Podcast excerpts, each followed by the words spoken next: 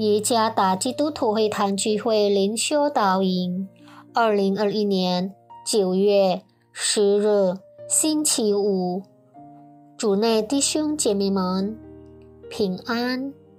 今天的灵修导引，我们会借着圣经《约翰福音》第十四章第六节，《使徒行传》第四章第十二节。来思想今天的主题，不是完全一样。作者蔡国闪传道。约翰福音第十四章第六节，耶稣说：“我就是道路、真理、生命。若不借着我，没有人能到父那里去。”使徒行传第四章第十二节，因他们教训百姓，本着耶稣传说死人复活，就很烦恼。有一天，我遇到一位女士，她对我说，她是一个殷勤敬拜神的人，但是在彼此交谈中。他说：“所有的宗教都是一样的，所有的信仰都教导行正直的路，所有的宗教都有通往天堂的道路。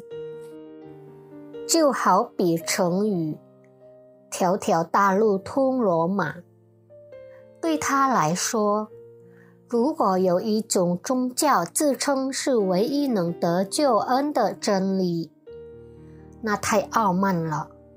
这位女士的见解是多元化宗教的观点，这见解随着宽容宗教观点的发展而发展。事实上，我发现有不少像这位女士一样见解的基督徒。对这观点来说，耶稣不是唯一得救恩的中心和源头，所以没有必要向别人传福音。今天灵修的经文，耶稣宣告，他就是道路、真理、生命。若不借着他，没有人能到父那里去。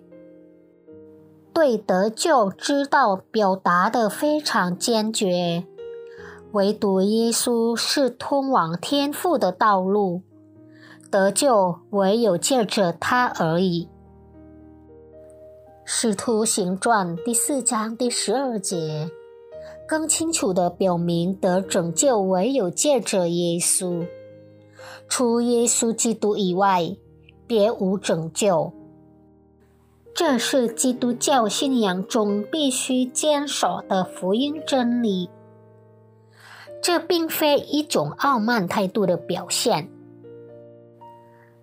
因为在这件事上，基督徒是根据所记载的上帝圣言、圣经而表达。正是因为透过宣讲这个真理。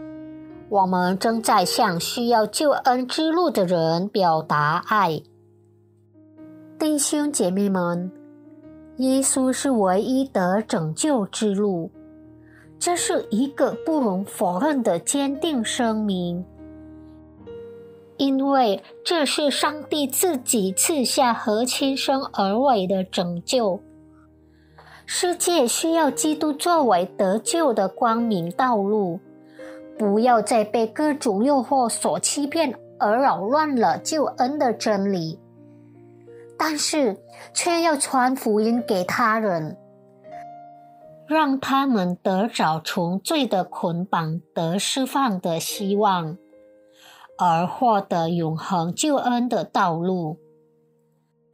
若是你不相信主耶稣是唯一的救恩之路，那么。你就没有走在他救恩的道路上。愿上帝赐福大家。